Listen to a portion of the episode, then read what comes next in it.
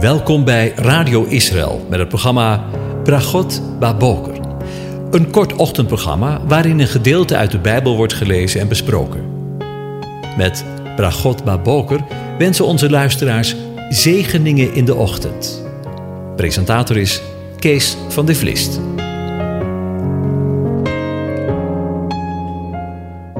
Goedemorgen, beste luisteraars. Vanmorgen gaan we weer verder met het overdenken van Psalm 68 en daarvan vers 34. En daar lezen we: Hij die rijdt door de aloude hemel der hemelen, zie, hij laat zijn stem klinken, een stem met macht. En ik heb er vandaag boven gezet over de sterren gesproken. In vers lezen we over Gods almacht, maar komen we ook onder de indruk van Gods almacht.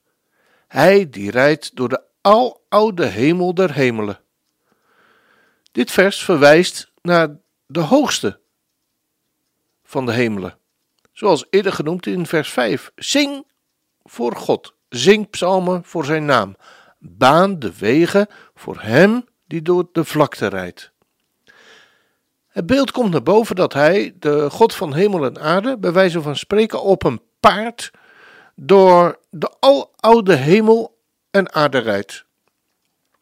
In tegenstelling tot deze tijdelijke wereld en haar sterfelijke inwoners bestaan de hoogste hemelen en de engelen die daar wonen al vanaf de oudheid en kunnen ze voor altijd blijven bestaan. Althans, dat mogen we concluderen zoals het in het Hebreeuws staat. In het verleden, maar ook in de tijd waarin wij leven, schreven en schrijven gehele volkstammen soevereiniteit toe aan de hemelse tekenen, de hemellichamen, die ze zagen en meemaakten en waarvan ze dachten en denken dat die het lot en het geluk van de mens beheersten en beheersen. Hoeveel mensen raadplegen de horoscopen niet en laten zich daardoor steeds maar weer beïnvloeden en beheersen? Ik wil vanmorgen even een uitstapje maken naar het feit dat heel veel mensen geloven dat de sterren hen iets te zeggen hebben. Ook onder christenen vandaag de dag zien we dit. Heel populair onder de mensen is het lezen van onze horoscoop. We kunnen die elke dag in de krant lezen of op internet, wat de sterren vandaag over ons spreken, of over wat er de komende dagen in ons leven gaat gebeuren. Maar je moet dan eerst weten bij welke sterrenbeeld je hoort, zodat je bijvoorbeeld leeuw kan lezen wat er staat en over je gezegd wordt. Dit fenomeen is al eeuwen oud en eh, komt in de Bijbel in het Oude Testament voor. Helaas zijn er veel christenen die zich inlaten met deze praktijken zonder de diepte ervan te kennen. Zonder Gods woord daarover te kennen of het aan hun laars te lappen. Daarom schrijf ik hierover om mensen bijbelse inzichten hierover te geven. Want wat is een horoscoop? Een horoscoop is een astrologische voorstelling van het hemelgewelf, gezien vanuit de specifieke plaats op aarde op een welbepaald moment. De term is afgeleid van het Griekse woord horoscopos, wat kijken naar de uren betekent, en horoscopoi, schrijven van het uur. Volgens de astrologie bestaat er een verband tussen de stand van de hemellichamen, zoals de zon, maan en planeten, en gebeurtenissen die op aarde plaatsvinden. Eigenlijk kun je voor elke verleden, huidige of toekomstige gebeurtenis een horoscoop opstellen. Met andere woorden is horoscoop voorspelling. Men voorspelt wat er in jouw leven zal gebeuren aan de hand van je sterrenbeeld. Maar wat is een sterrenbeeld? Volgens de oude astrologische tradities verdeelt men de weg die de zon aflegde in twaalf parten of tekens met een lengte van 30 graden. In, het in de loop van het jaar beweegt de zon zich dan door alle tekens die voornamelijk levende wezens of dieren, voorstellen. En omdat de tekens hoofdzakelijk dieren zijn, werd de strook van de sterrenbeelden de dierenriem of zodiac genoemd. Uit het Grieks zoion, levend wezen of dier. Het enige niet levende wezen uit deze dierenriem, de weegschaal, is pas in latere tijden toegevoegd. Aanvankelijk werden de schalen van de weegschaal gezien als de klauwen van de schorpioen. Nadat men de verschillende dieren had vastgelegd, hebben zij ook menselijke gedachten en eigenschappen eraan toegekend. Hierdoor is de mens niet meer uniek, maar zijn alle mensen geboren in augustus als leeuwen ongeveer hetzelfde. De wetenschap echter heeft ontdekt dat ieder mens een unieke vingerafdruk heeft. Dat moet ons op zijn minst aan het denken zetten. Wat het meest belangrijkst is, is wat God er zelf over zegt. Maar wanneer is de astrologie dan ontstaan? De astrologie is ontstaan bij de Babyloniërs, zo'n 4500 jaar geleden. Als je naar de hemel kijkt, zeker op een donkere plaats, zie je eindeloos veel sterren en ontdek je daarin verbanden. De gedachte is dat er een hoge wezen is en dat de sterren een soort geheimschrift vormen aan deze hogere macht, waaruit je de gebeurtenis kunt lezen en voorspellen. Om dat geheimschrift te ontcijferen, hielden de heidenen precies bij in welke stand de hemellichamen stonden als er een belangrijke gebeurtenis plaatsvond of een belangrijke persoon geboren werd. Met lange lijsten van observatiegegevens probeerden ze zo de taal van de sterren als het ware stapje voor stapje te ontcijferen en op basis daarvan voorspellingen te doen. De Bijbel is uitermate negatief over astrologie. Astrologie stelt dat de bewegingen van de sterren parallel lopen met het leven van mensen. Het Bijbelse geloof stelt dat we vrij zijn en keuzes hebben.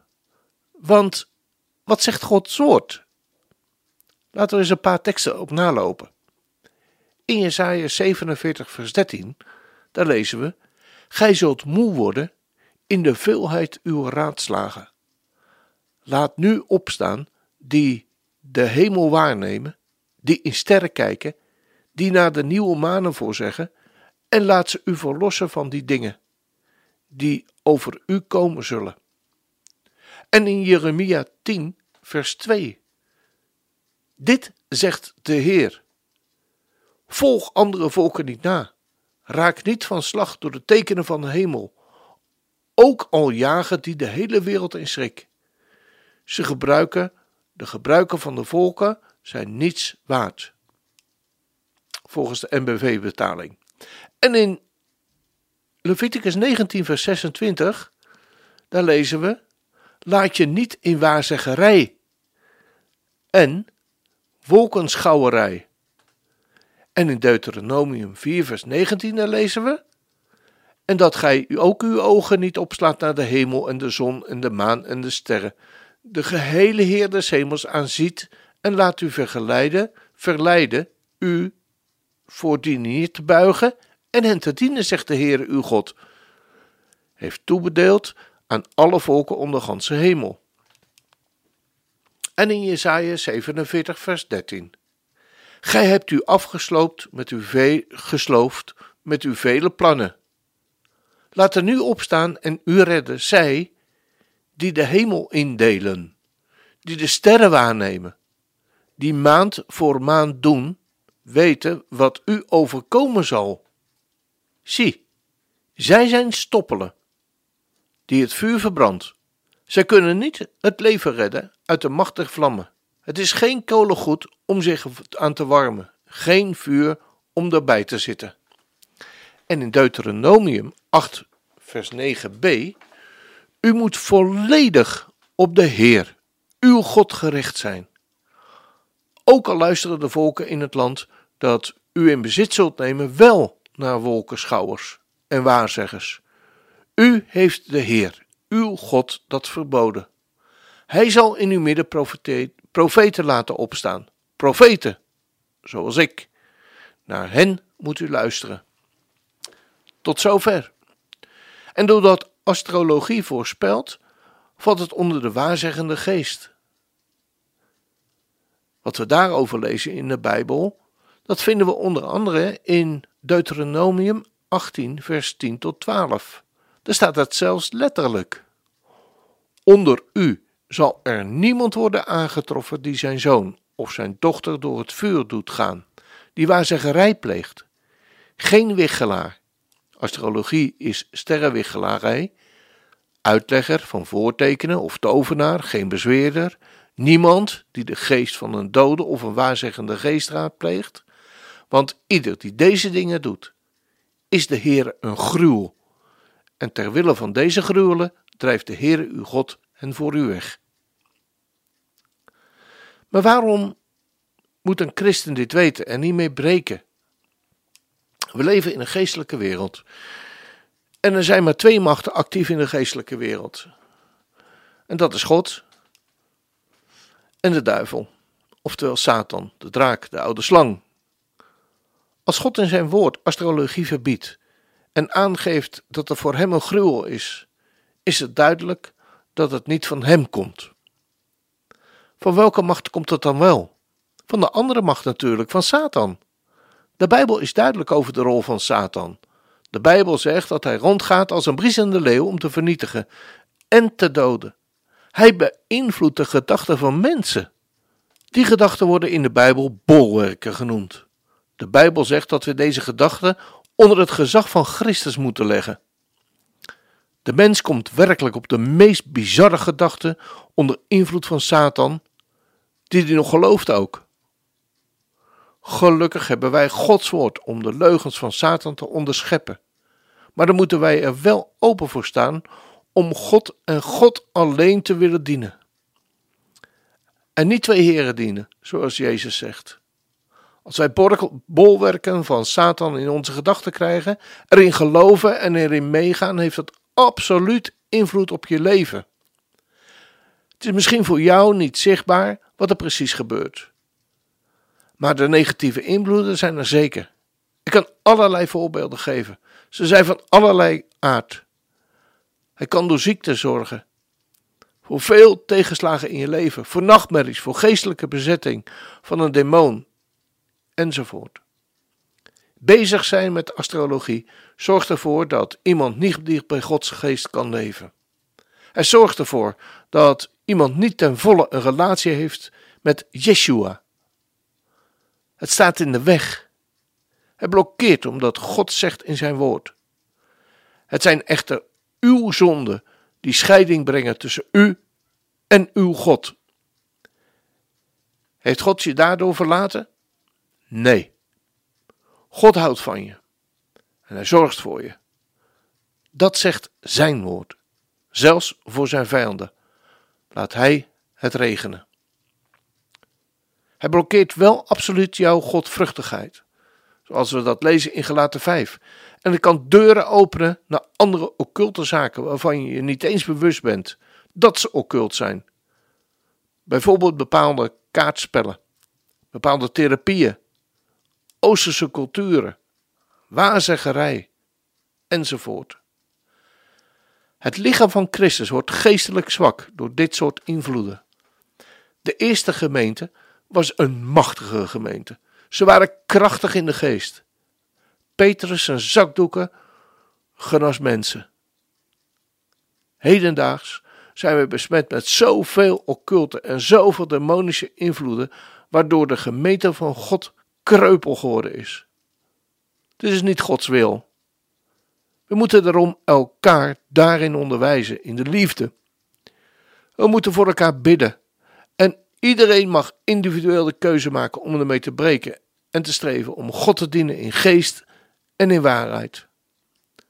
Laten we alsjeblieft God de glorie geven en ons van Hem afhankelijk stellen in het leren kennen van wie wij zijn en hoe wij zijn, maar bovenal wie Hij is. Laten we ons afhankelijk stellen van Hem om te weten hoe onze toekomst eruit ziet. Laten we Zijn woord gehoorzamen en zullen wij daardoor zijn zegen ontvangen. In Hem leven wij, zijn wij en bewegen wij. We hebben niets meer nodig. Hij is de Alwetende, de Almachtige en de alomtegenwoordige God. Jewa, WH. De ik ben, ik ben erbij, ik ben bij jou. En weet je, die tijd zal ook aanbrengen, zegt Psalm 68. Maar wanneer Israël opstijgt boven alle naties, zullen ze erkennen dat alleen God de hemel regeert, net zoals de bereider het pad van zijn paard. Zie, hij laat zijn stem klinken, een machtige stem, zegt Psalm 68. Het zal je niet verbazen dat dit een veel, veel betrouwbaarder woord is dan alle occulte woorden van alle horoscopen bij elkaar. Zijn woord verkondigt nu en het in de toekomst zijn volledige soevereiniteit, zijn almacht over de hemel en op de aarde. Als dat geen zegen is, Heer, onze Heer, hoe machtig is uw naam overal op aarde. Zie ik de hemel, het werk van uw vingers, de maan en de sterren door u aangebracht. Wat is de mens dat u aan hem denkt, het mensenkind dat u voor hem zorgt. Heer onze Heer, hoe machtig is uw naam overal op aarde. U heeft de mens bijna goddelijk gemaakt, omkranst hem met glorierijke pracht. Het werk van uw handen aan hem toevertrouwd, alles aan zijn voeten neergelegd. Heer, onze Heer, hoe machtig is uw naam overal op aarde. We gaan luisteren naar het lied van Sela.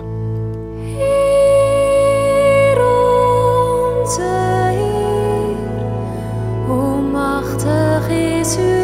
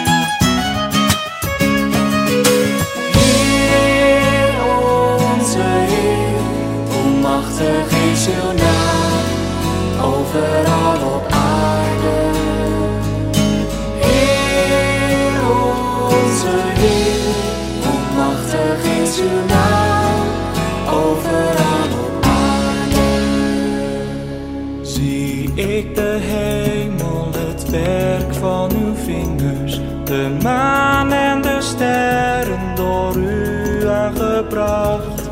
Wat is de mens dat u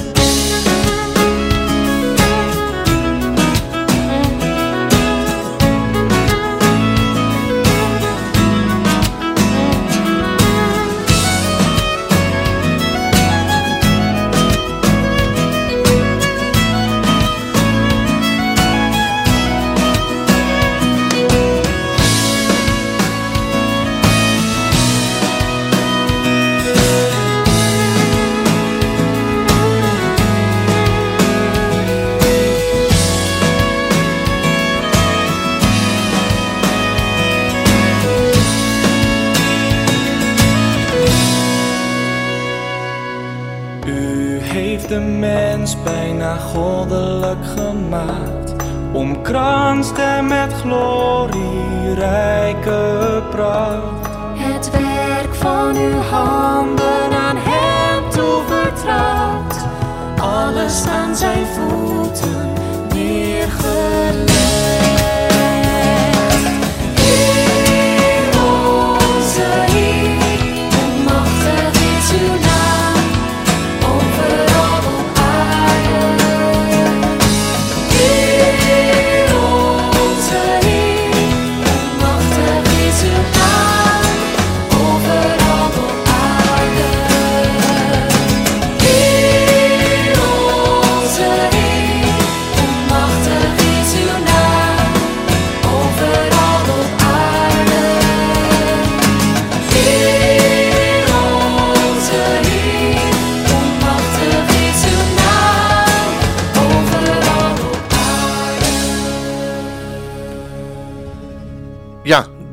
zijn we hiermee weer aan het einde van deze uitzending gekomen.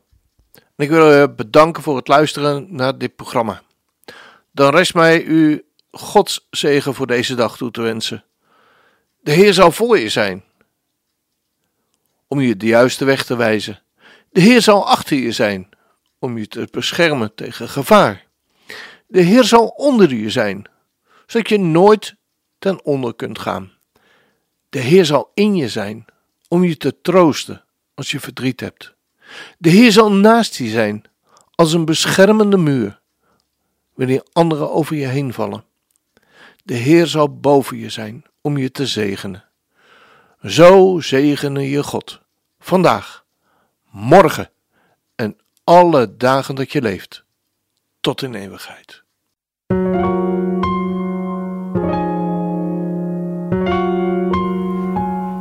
U hebt geluisterd naar het programma Bragot Baboker. Een kort ochtendprogramma waarin een gedeelte uit de Bijbel wordt gelezen en besproken. Wilt u het programma nog eens naluisteren, dan kan dat. Ga naar radioisrael.nl en klik onder het kopje radio op Uitzending gemist.